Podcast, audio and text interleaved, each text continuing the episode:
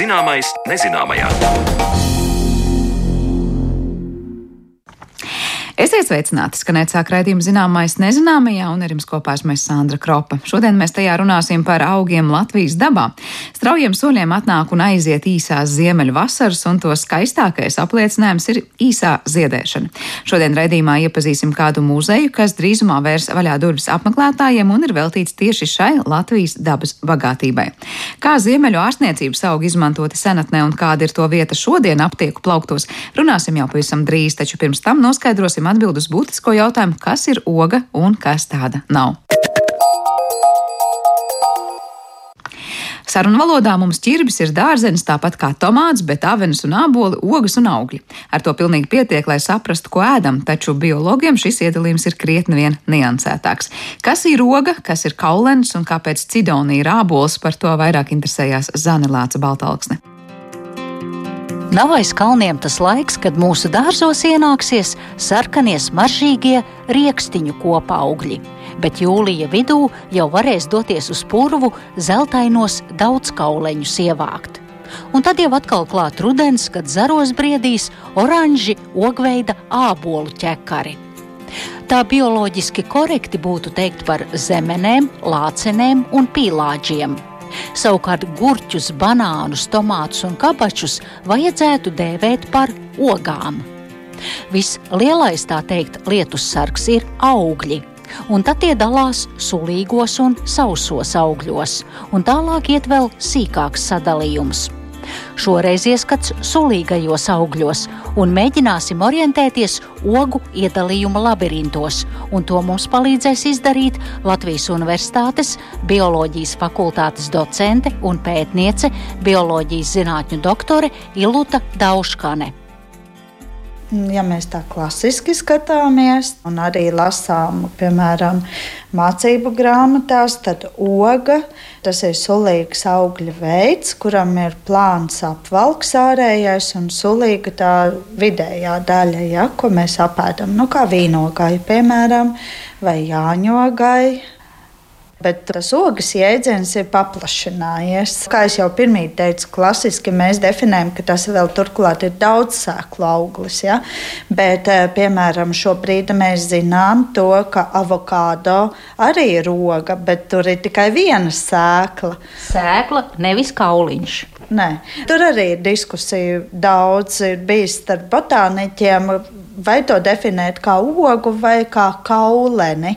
Kaulens tā tad ir kā plūme, piemēram, vai aprikoze vai persiks. Tas ir kaulens, ķirsis, jā, viensēklas kaulens. Jā.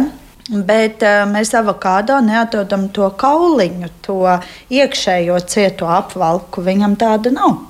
Tam kauliņam nav tā cieta apvalka. Jā, tā tad eh, tomēr lielākā daļa botāniķu liecas domāt, ka tas tomēr ir oga. Tādā gadījumā mums ir jāmaina ogas definējums, ka oga tad paliek šis sulīgais auglis ar plāno apvalku, bet mēs vairs neuzsveram to sēklu skaitu.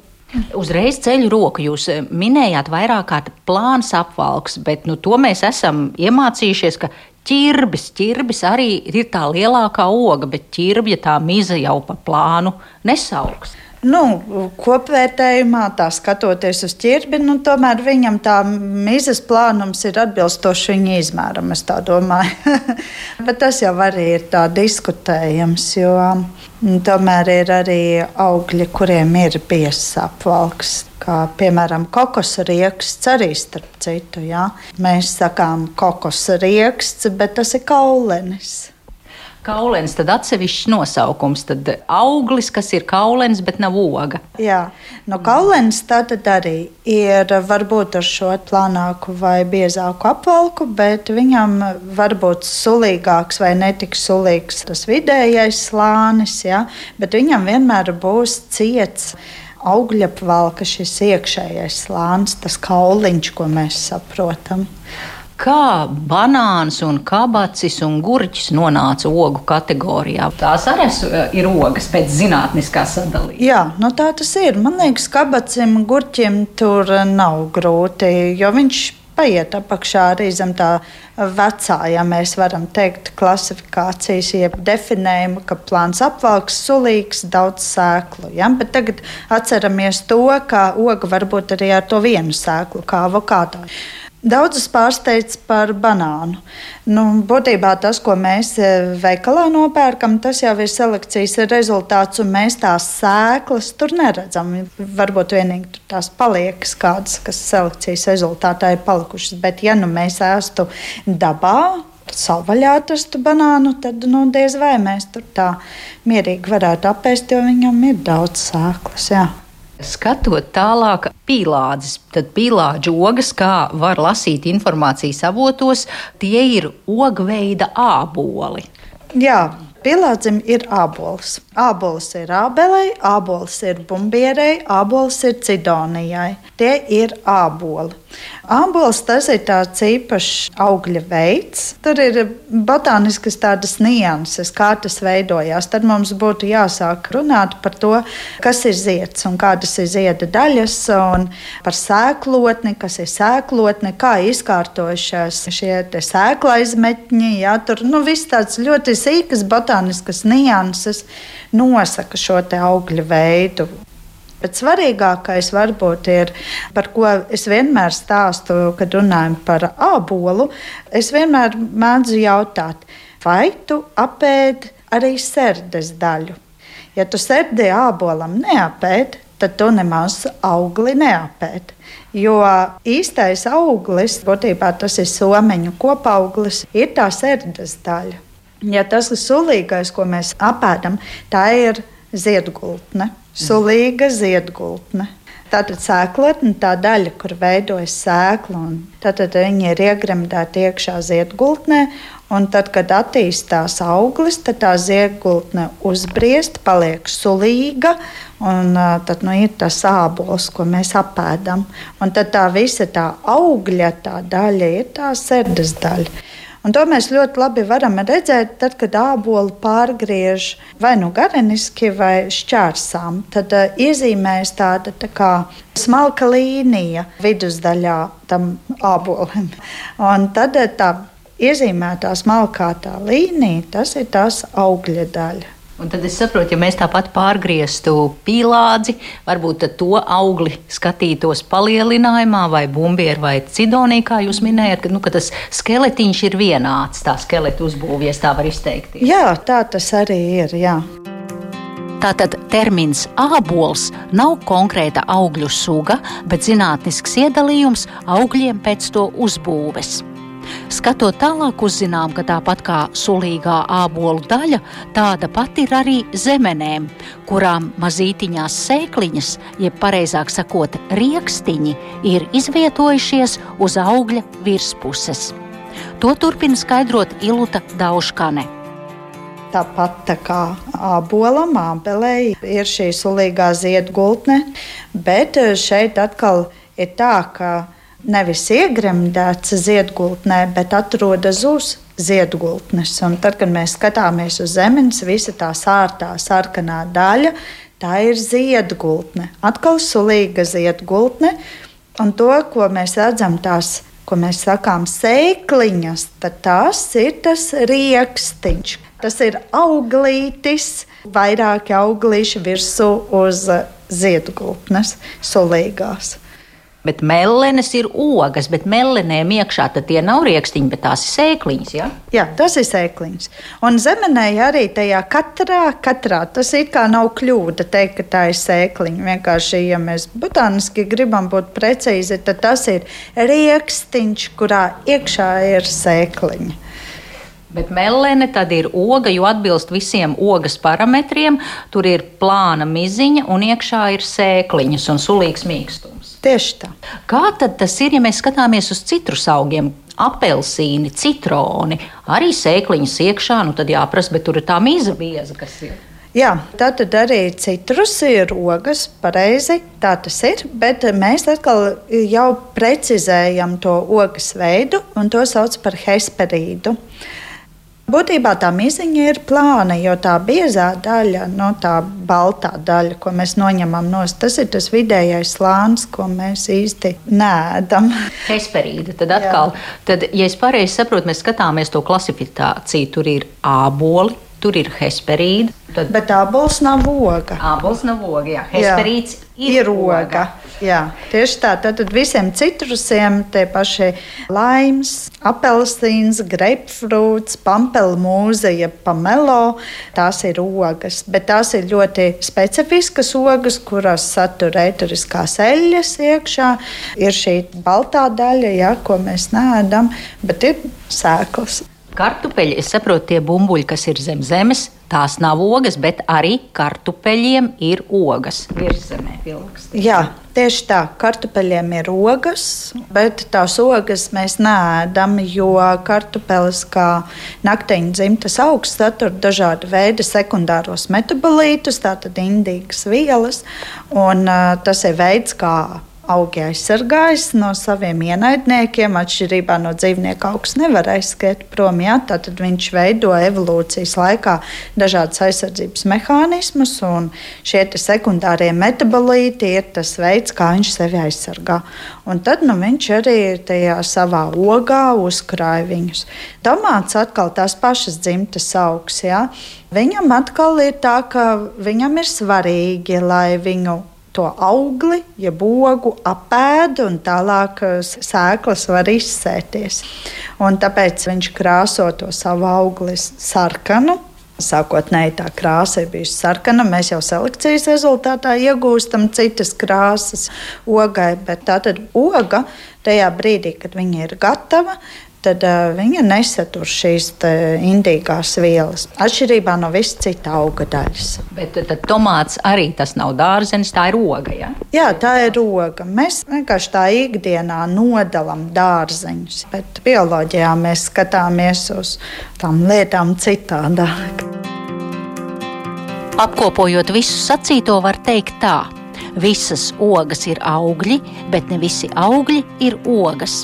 Un, ja cilvēks nav biologs, tad ikdienā arī turpmāk droši varam dažādus kauleņus saukt par ogām, dažas ogas par dārzeņiem un par āboliem uzskatīt Antonovkas, baltos dzidros, serīnkas, cukuriņus korekto klasifikāciju atstājot biologu savstarpējās sarunās.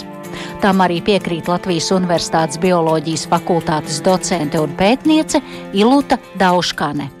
Jā, tā tas ir. Tā nav nekāda kļūda. Es domāju, to būtu arī grūti tagad mainīt. Un jautājums, vai vispār arī vajag mainīt, un, ja to maina, tad cik ilgā laikā ieviestu mēs tur jaunu domāšanu. Bet, protams, ka ikdienā sarunās ar ģimeni un draugiem. Vienalga, es arī būdama botāniķis lietoju tā, kā mēs ikdienā runājam, ja, bet eh, jau sarunās ar studentiem tiek lietot šie precīzie nosaukumi. Dzirdējām stāstu par augļu morfoloģisko iedalījumu, bet raidījuma turpinājumā pievēršamies ziemeļu augiem un to sniegtajiem labumiem cilvēkiem. Vasaras sākums Ziemeļdabā ir maģisks laiks. Tas ir īsais brīdis gadā, kad starp tumsas un augstuma mēnešiem iesprāgties var lielā ziedēšana. Varbūt tas arī ir viens no iemesliem, kāpēc ar vien tik ļoti priecājamies un novērtējam Latvijas pļavas. Šim nolūkam cēsīs drīzumā durvis vaļā vērs jauns muzejs un par muzeju, kā arī par ārstniecības augu izmantošanu agrāk un mūsdienās. Mēs šodien runāsim ar mūsu studijas viešņām Vides risinājuma institūta vadošo pētniecību Mežaku un farmaceiti Ziemeļu dabas medicīnas medicīnas muzeja vadītāja Liāna Aldiņa. Labdien jums abām! Labdien! Es sākšu ar to, kas tad mums ir gaidāms un kas tas par muzeju saistībā ar augiem un ziedēšanu un pļavām mums jau būs. Nu, Salīdzinoši drīz skatāms, laikam, Latvijā. Uh, varbūt varat izstāstīt nedaudz sīkāk par to, kā var būt augu muzejs un kas tajā būs vērojams.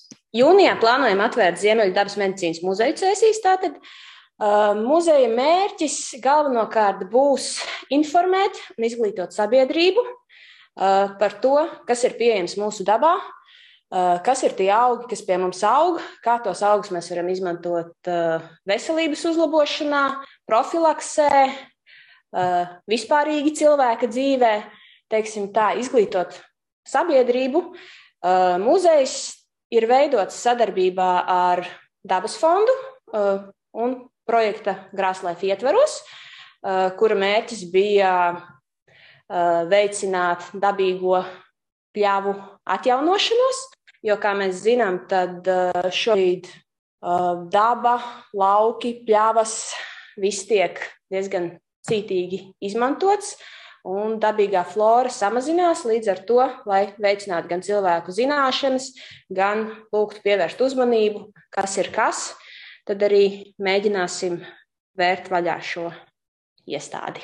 Jā, nu izklausās gan interesanti, bet tad sanāk tā, ka lielā mērā tur uzsvers ir uz es atceru, tā kā pļavas un ārstniecības augi, bet tad laikam jānošķir, kas ir kas, vai viss tas, kas ir sastopams pļavā, būs ārstniecības augi, un savukārt vai visi ārstniecības augi augs tikai un vienīgi pļavās. Mūsu pļavas ir ārkārtīgi bagātīgas ar augu daudzveidību. Tas ir viens no pasaulē vispār bagātākajiem biotopiem. Vienā kvadrātmetrā dabisko pļavu mēs varam atrast pat 50 dažādas augu sugas. Protams, ne visas tās tiek izmantotas ārstniecībā.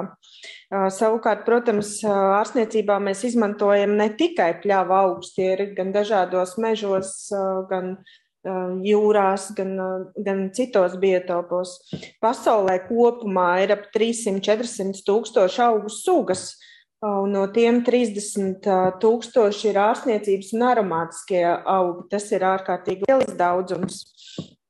Savukārt, lielākā daļa no tiem tiek ievāktas savvaļā.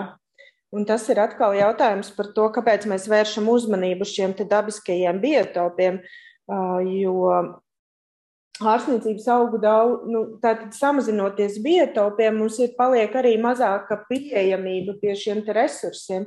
Vienlaikus ir jādomā gan par to, kā mēs efektīvi izmantojam augus ārstniecībā, kā mēs patveramies dabā, kā mēs arī savu labjūtību veicinam atrodoties dabā, bet vienlaikus jādomā arī par, par šo dabīgo vides saglabāšanu. Jā, par dabas un dabīgās vidas saglabāšanu, es domāju, mēs esam runājuši šajā raidījumā daudz, un arī jebkurā gadījumā par to par daudz runāt noteikti nebūs.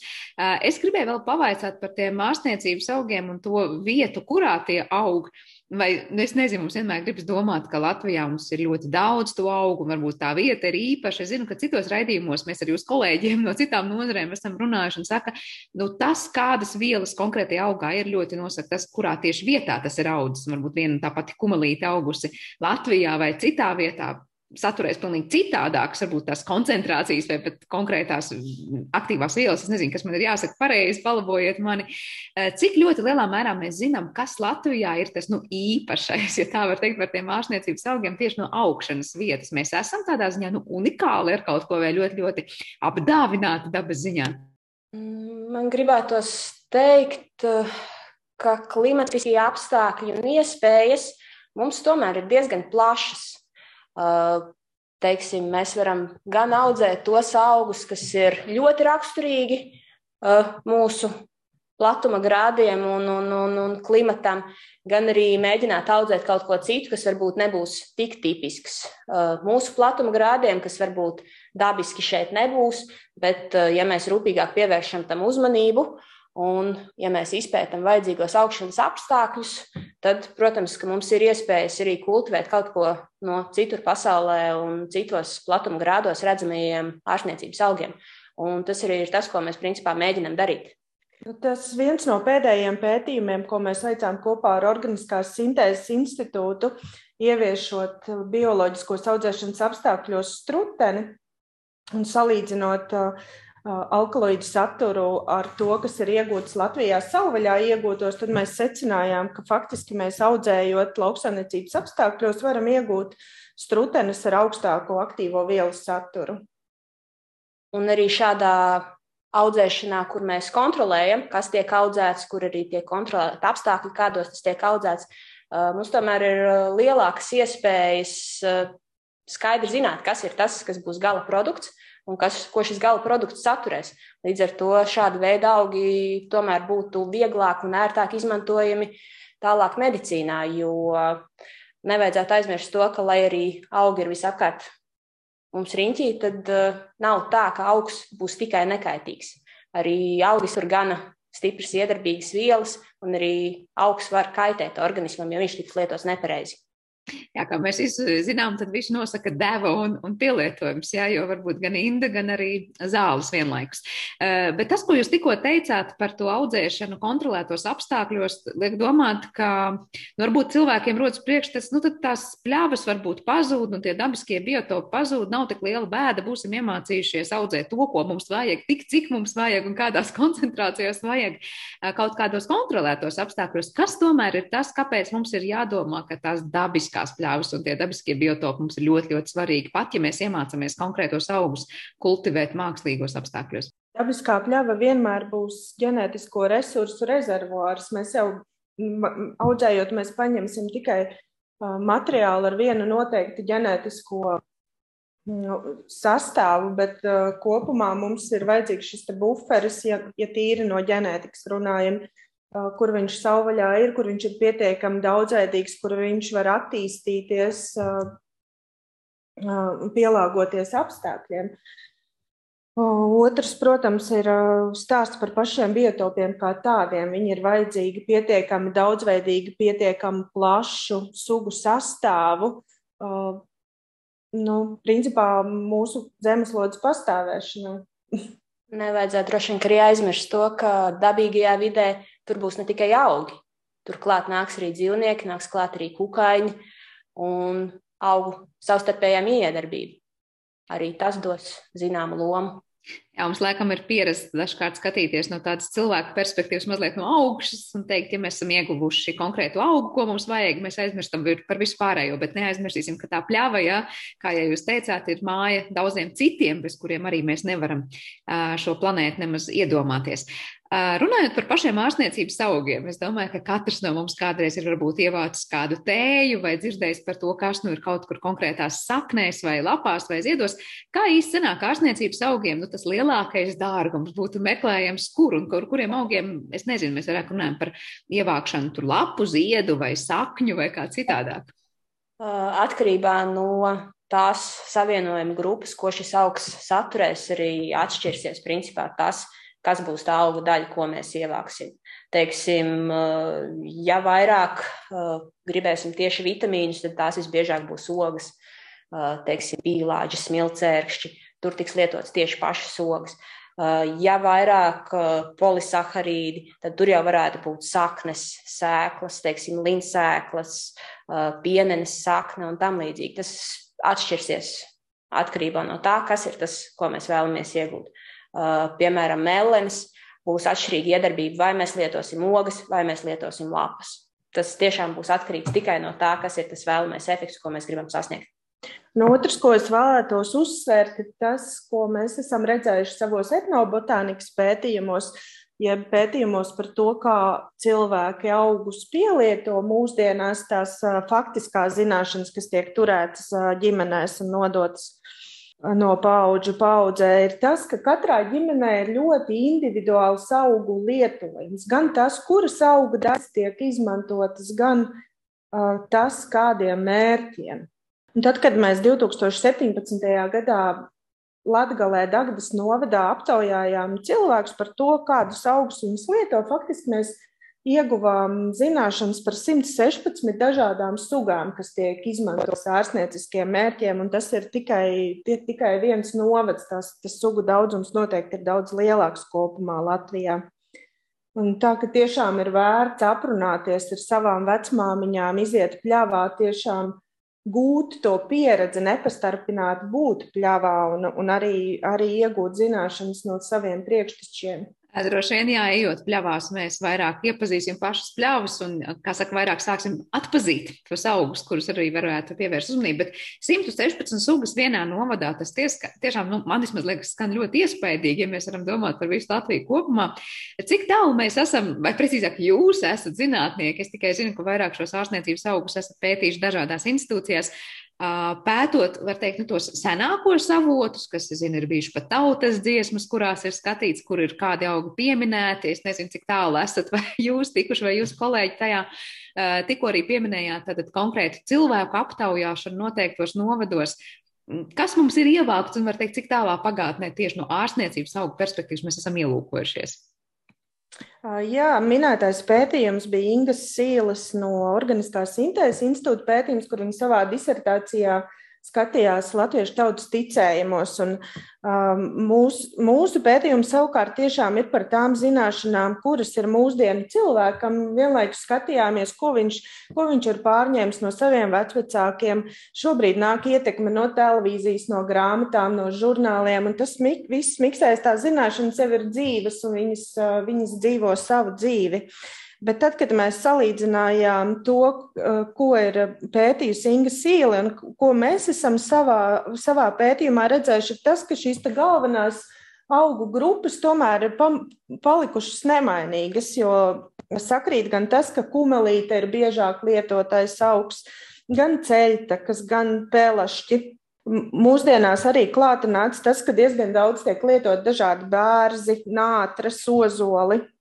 Kas, jūsuprāt, nosaka to, ko mēs šobrīd mūsdienās esam iecienījuši? Vai tas ir tāds, es nezinu, modes kliedziens, vai viens pasaka kaut ko interesantu, sev atklājumu, un es nezinu, mēs sekojam, kā saka, nu, paziņas rādi draugi, ko stāsta, pēc tam, ko izlasam internetā, vai tās tomēr ir tās labi aizmirstās vecās lietas, um, un nekāda tāda liela pārsteiguma, jūsuprāt, nemaz nav vērojama? Gan, gan. Um, lielākā daļa, protams, ir auga, ko mēs lietojam, tie, ko mēs labi pazīstam. Jo lielākoties cilvēki lieto augus, kurus viņi paši, nu, vismaz savvaļā vācot, kāds jau parasti ir parādījis, vai nu tie ir vecāki vai draugi. Uh, jo tas augsts ir jāatpazīst pirmām kārtām, lai viņi ievāktu. Un, uh, tad izējot no tā, mēs lietojam to, ko mēs pazīstam. Bet, protams, ka dzīves laikā nāk klāt uh, no dažādiem avotiem šīs zināšanas. Parastais cilvēks, teiksim, ja es esmu dzīvojis visu mūžu Rīgā un pēkšņi nolēmu pārcelties uz laukiem, uh, protams, ka tas, ko es pazīšu, būs tie klasiskākie augi. Tas, kas ir biežāk dzirdēts, uh, vairāk lietots arī klasiskajā medicīnā, bet uh, teiksim, ja būs iespēja parunāt ar kādu no vecākā gada gājuma, tad, jā, protams, ka viņi ieteiks lietot arī kaut ko tādu, kas varbūt aug mūsu pagalmā un ko mēs ikdienā uzskatām par nezāli. Bet patiesībā tautas medicīnā tas ir lietots krietni ilgstoši. Bet tā arī jāmin fakts, ka atšķirsies augi, kas tiek lietoti tautas medicīnā, veids, kā viņi tiek lietoti tautas medicīnā, un tas, kas ir vairāk oficiāli atzīts uz pētījumiem balstīts, šeit būs atšķirības. Kur būs tās būtiskākās atšķirības? Tie būs konkrēti augi, kas vienā gadījumā tiks uzskatīti par ārstniecības augiem, un otrā gadījumā varbūt nebūs. Vai kur slēpsies tās atšķirības? Vai tajā, kā ticēsim, neticēsim to iedarbībai? Nu, sāksim jau ar to, ka tautas medicīnā, protams, ka tas lietošanas veids nebūs tik komplicēts. Tas, kā tu vari lietot, tu vari dzert tēju, tu vari pievienot salātiem, nu, tās iespējas nebūs tik plašas, bet tas, kas jau būs eh, vairāk medicīnā pētījumos balstīts, tur vienkārši ir plašāks iespējas. Tur ir iespēja atdalīt atsevišķas vielas no šiem augiem un līdz ar to arī izpētīt to konkrēto iedarbību, eh, kas ir tieši vienai ķīmiskajai vielai, vienam aktīviem savienojumam, ko šis augsts satur. Un līdz ar to arī ir iespējams veidot dažādus pētījumus, un arī tas pielietojums būs stipri plašāks. Nu, protams, mēs iegūsim jau tādu daudz tīrāku produktu un jau tādu nišai un specifiskāku. Ja? Nu, piemēram, ja tas ir par, par tādu profesionālāku līmeni, mēs runājam, tā tad tur, nezinu, ķīmiķis mācīs izdabūt no tā auga tikai vienu konkrēto viņam interesējošo vielu, nevis veselu buķeti. Jā, jā, tas būtu pareizi, jo augu, ko mēs sastopam dabā, viņi, protams, ka saturēs daudz un dažādas savienojumu grupas, un līdz ar to arī tie efekti būs dažādi tajā brīdī, kad jau mēs izdalīsim konkrētos savienojumus, tad arī mēs varēsim specifiskāk norādīt, eh, kas tieši ir tā joma, kur ar šo vielu mēs varam palīdzēt un kā tieši viņi darbosies.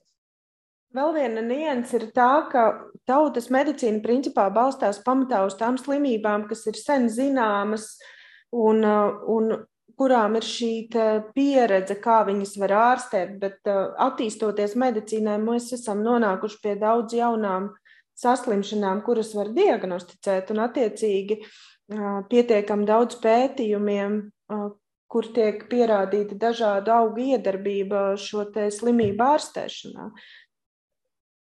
Kuras jūs minējat varbūt par tām, nu, es nezinu, vai pielietojumu jomām vai precīzāk kādiem produktu grupām, kurās mēs šobrīd varam redzēt, ka tie ārstniecības augi patiesībā sev piesaka diezgan nopietni? Uh, ja tīri no tāda farmaceitiskā viedokļa, tad uh, pat neskatoties tik ļoti uz mūsdienām, mēs varam arī patīt kādu brīdi atpakaļ. Uh, visi ļoti labi zinām preparātu aspirīns, acetilsalicilskābi, Un arī šis preparāts pēc idejas ir cēlies no augu pasaules. Uh, jo vietola mīza būtu kā viens piemērs, kas uh, satur salicils kāpes savienojums, un attiecīgi tālāk tas ir atrisināts, lai reāli lietot medicīnā. Ja mēs skatāmies uz kaut ko, kas būtu varbūt netik senā pagātnē, uh, tad tie jau būtu gripas pretvīrus preparāti, konkrēti osteomivirs, ko lieto gripas profilaksē un arī simptomu mazināšanai. Un uh, tur pētnieki iedvesmu ir guvuši no zvaigžņotā anīsa. Attiecīgi izdalot savienojumus, skatoties uz pretvīrusu īpašībām un tālāk attīstot tālāk. Uh, arī principā tas var būt tāds piemērs arī par to, ka augi var būt ne tikai, un auga sastāvdaļas var būt ne tikai labvēlīgs cilvēku veselībai, bet var arī dot zinām kaitīgo ieguldījumu, varētu būt arī no sirds glikozīdu preparātiem, uzpirkstīte, kas attiecīgi arī ļoti ilgstoši tiek lietot medicīnā, bet tur, protams, ir jārēķinās ar faktu, ka ir jāievēro konkrēta lietošana, uh, jābūt konkrētām devām, lai attiecīgi dabūtu tikai to pozitīvo efektu, nevis jau tālākas problēmas.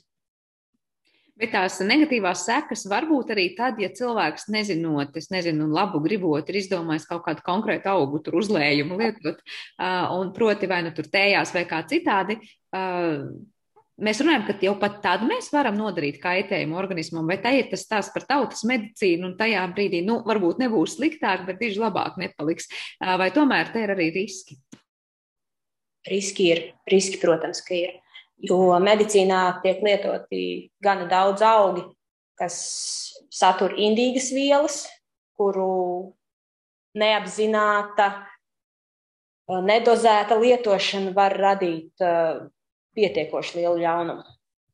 Vēl ir jārunā arī par to, ka nevienmēr cilvēki pietiekami labi augus atšķir, un ta, ta, tas būs arī viens, viens no viena no iespējām muzejā iepazīties ar to, kādi ir šie populārākie augi un viņu līdzinieki, lai nebūtu tā, ka gribot sev labu, tiek faktiski ievākts indīgs augs. Klasiskākais piemērs, teiksim, varētu būt par plūškoku, kas šobrīd, manuprāt, ir salīdzinoši populārs augs, kas tiek lietots imunitātes stiprināšanai. Pēdējos gados ir bijusi gan aktuāla problēma pasaulē, Taču nevienmēr tiek minēts, piemēram, no kāda plūškoka tiek iegūti šie ekstrakti, sīrupi, viss, kas tiek lietots imunitātes stiprināšanai. Jo, attiecīgi, melnais plūškoks būs tas, kura īpašības būs tieši veselību veicinošas. Turpretī sarkanais plūškoks būs tas, kuru noteikti nevajadzētu lietot. Kā muzejā tas tieši notiks? Es nezinu, tas ir kāds interaktīvs stends vai vienkārši stends, kurā mēs redzēsim šo augu, pazīstam un par pārējiem iemācīsimies kaut kādas pazīmes, kuras noteikti, nu, zināt, ka nevajadzētu lietot uzturā, vai kā tas apmeklētājs nonākot muzejā, nu, izies cauri tai augu pasaulē un iepazīst to? Būs arī interaktīvas aktivitātes, to nevar noliegt. Pamatā informācija būs sadalīti balstoties uz organismu sistēmām, teiksim, asinsrite, balstu orgānu sistēma, maņu orgānu sistēma, un vadoties no tā, kādas tad ir tās konkrētās problēmas, kas varētu būt ar šīm sistēmām, paralēli tiks piedāvāti arī augi, ko mēs varētu lietot šajos gadījumos. Var teikt, tāda liela rokas grāmata, ja mēs varam doties uz muzeju un saprast, kurai situācijai kas piemērots, un tajā pašā laikā arī mums būs nu, tā tik ļoti būtiskā informācija, kā to nesajaukt ar kaut ko citu un nenodarīt sev kaitējumu. Kā vispār top šādi muzeji? Es vēl gribēju pavaicāt par pašu tā muzeja tapšanas, es nezinu, procesu vai, vai, vai laiku. Tas ir nu, sarežģīts, citādāk veidojams muzejs nekā, piemēram, nezinu, ja, ja kāds tur vēstures muzejs vai kā citādi, un kādi līdzgaitnieki vai līdznieki mums ir nu, mums tuvākajās reģionu valstīs citur. Uh, process, protams, ka ir pietiekoši garš. Uh, jārēķinās ar faktu, ka visa informācija tāpat tās ir jāpārbauda, viss ir uh, jāapstiprina, jo arī par augiem uh, informācija, ko mēs iegūstam dažādos avotos, var atšķirties. Līdz ar to mums ir jānonāk pie tā precīzā gala varianta, tā lai mēs nemaldinātu uh, mūsu apmeklētājus. Par līdziniekiem runājot, nu, tuvākajā reģionā pat ir grūti pateikt. Tāds tiešām līdzinieks, kam mēs gribētu sekot, un kas būtu tā kā tāds prototyps, ja mēs varam tā teikt, un, un, un, un kaut kas tāds, uz ko mēs gribētu tiekties, tas būtu sastopams Itālijā patiesībā ļoti tālu no mums, vai ne? Mēs varētu teikt, ka nu, tāds ļoti šim reģionam unikāls muzejs top mums šeit pēc ēsīs. Nu, par līdzniekiem vismaz dzirdēts nav. Pastāv iespēja, ka varbūt kaut, kaut kur kāds ir noslēpies, bet nu, pagaidām dzirdēts par līdzniekiem nav. Tā kā cerēsim, ka mēs būsim varbūt pirmrindnieki šajā, šajā jomā un ka gan jau, pēc tam būs arī sekotāji. Jo tēma ir gan aizraujoša, mūsdienās aktuāla. Līdz ar to visas iespējas. Par to mūsdienu aktualitāti runājot, eh, no vienas puses, jā, kā jau jūs arī abas minējāt, mēs arvien biežāk dzirdam par dažādiem ārstniecības augiem vai tautas medicīnā izmantotiem augiem. Um, internetā varam lasīt, un, un, kā saka, no draugiem un radiem smelties idejas. Uh, tajā pašā laikā man liekas, ka bieži ir valdījis uzskats, nu, tie tie aizgājušie laiki, tās tās mūsu vecmāmiņu, vecvecmāmiņu patiesībā paudzes, ka tas bija tā pa īstam aktuāli, un tagad jau laikam ārstniecības augu varbūt laiks ir beidzies. Kā jums liekas? Liekas, vai mēs šobrīd dzīvojam tādā ārstniecības augu nu, norieta laikā, vai precīzāk tādā atzimšana, mēģinot reanimēt tevi, to, to interesi par tiem, un tā īstā, nezinu, tautas zināšanas prasmes bija patiesībā citos laikos, vai tā zinātnes interese šobrīd par ārstniecības augiem ir pietiekoši liela, lai mēs teiktu, ka tie nekur nav pazuduši? Ārstniecības augi noteikti nekur nav pazuduši. Es gribētu ticēt, ka šobrīd to lietošana pamazām sāk atzimt, kļūt ar vien populārāka, jo arī ķīmiskajiem preparātiem, sintēzēm, arī tam ir zināmas robežas. Un tāpat laikā mums ir, mums ir vesela ķīmijas laboratorija mums apkārt. Mums ir tikai jāatrod veidi, kā to izmantot, kā to izpētīt un kā to izmantot tieši savā labā. Jo nevienmēr ir vajadzīgs radīt kaut ko no jauna. Pastāv iespēja, ka mums vienkārši ir jāsameklē veids, kā izmantot to, kas reāli ir apkārt, kas mums ir pieejams un ko daba ir radījusi pati, un kas būs attiecīgi labvēlīgs mums. Un paralēli mēs arī nepiesārņosim vidi ar dažādiem ķīmiskiem līdzekļiem. Nu jā, kā liktos, ka šobrīd tiešām ir gana daudz arī zinātnes pusē un varbūt eh, farmācijas pusē interesi par eh, aktīvajām vielām, kas ir šajos augos. Un tomēr bieži cilvēki vaicā, vai tās brīžiem ir mūsu iedomas un nostāsti, ka tajos augos ir tās labās vielas un vajadzīgās vielas. Uh, un, un savukārt citos, man var teikt, tie ir pierādīti pētījumi, kas to apliecina. Uh, kā jūs vairāk teiktu, es nezinu, tajā lielajā klāstā, kas mums ir Latvijā, vairāk ir to augu, par kuriem mēs skaidri zinām, ka tiešām tur ir tās vielas, kas ir tagad interesantas arī citām industrijām. Vai daudz vairāk vēl ir to pētāmo, par kuriem varbūt ir vairāk nostāsti, tautas ticējumi vai, es nezinu, kādas vecvecmāmiņa nodotās gudrības un vairāk tādu nostāstu, ka tas varētu būt, ka palīdz pret to un to un to un to.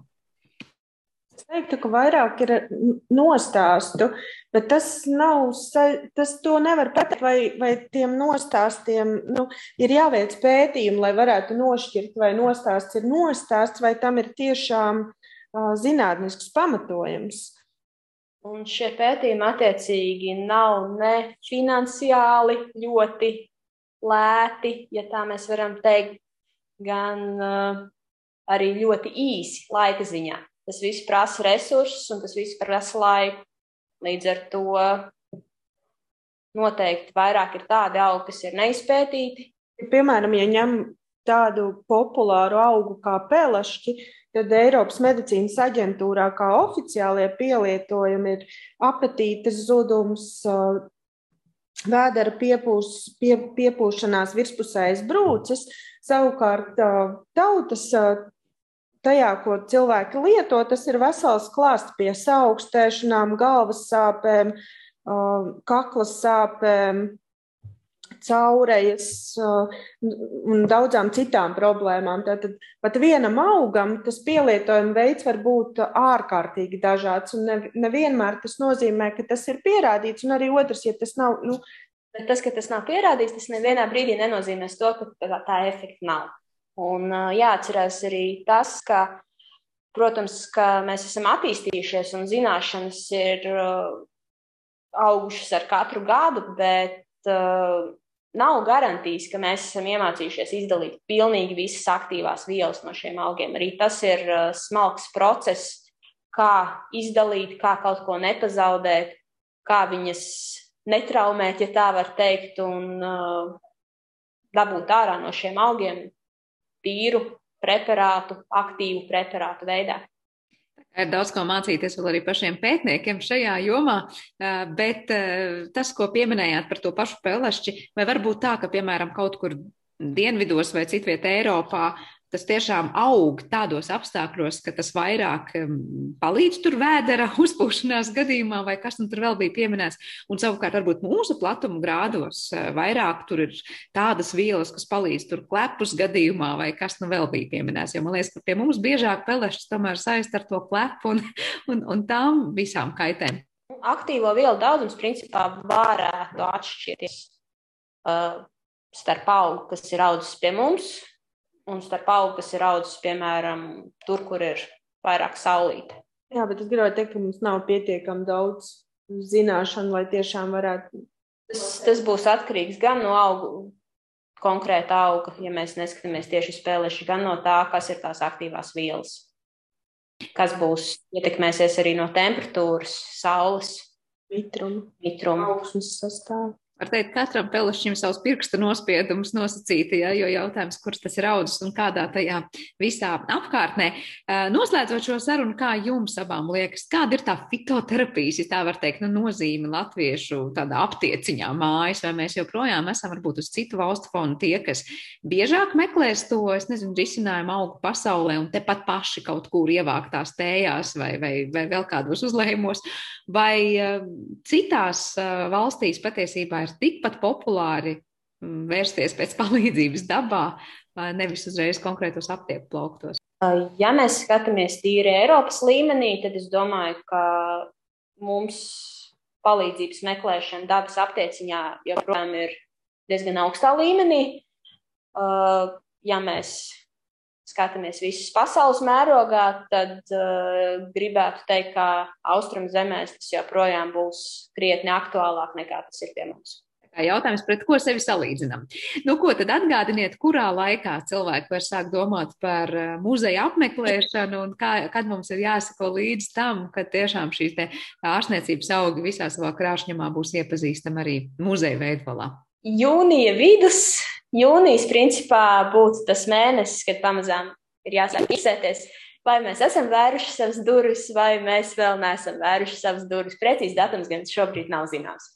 Jā, nu es domāju, ir pietiekoši vēl laika sagatavoties un sekot līdzi informācijai tiešām uh, novēlu, lai tās durvis izdodas svērt. Un šogad mēs varam uh, pļavas un ne tikai pļavas ārstniecības augus patiesībā iepazīt ne tikai eh, dabiskajos apstākļos, bet arī tātad konkrēti sagatavotajās ekspozīcijās, kurās par to varēsiet mums pastāstīt daudz, daudz vairāk. Paldies jums abām par šo sarunu. Es atgādinu, ka Vidas risinājuma institūta vadošā pētniece Ieva Mežaka un farmaceita Ziemeļa dabas medicīnas muzeja vadītāja Lijāna Aldīņa šodien ar mums bija kopā raidījuma zināmais nezināmajā attālinātajā studijā. Ar to arī raidījums ir izskanējis un to producēja Paula Gulbīnska par mūziku gādāja Ģirds Bišu jums kopā bija Sandra Kropa. Paldies par klausīšanos un uz tikšanos!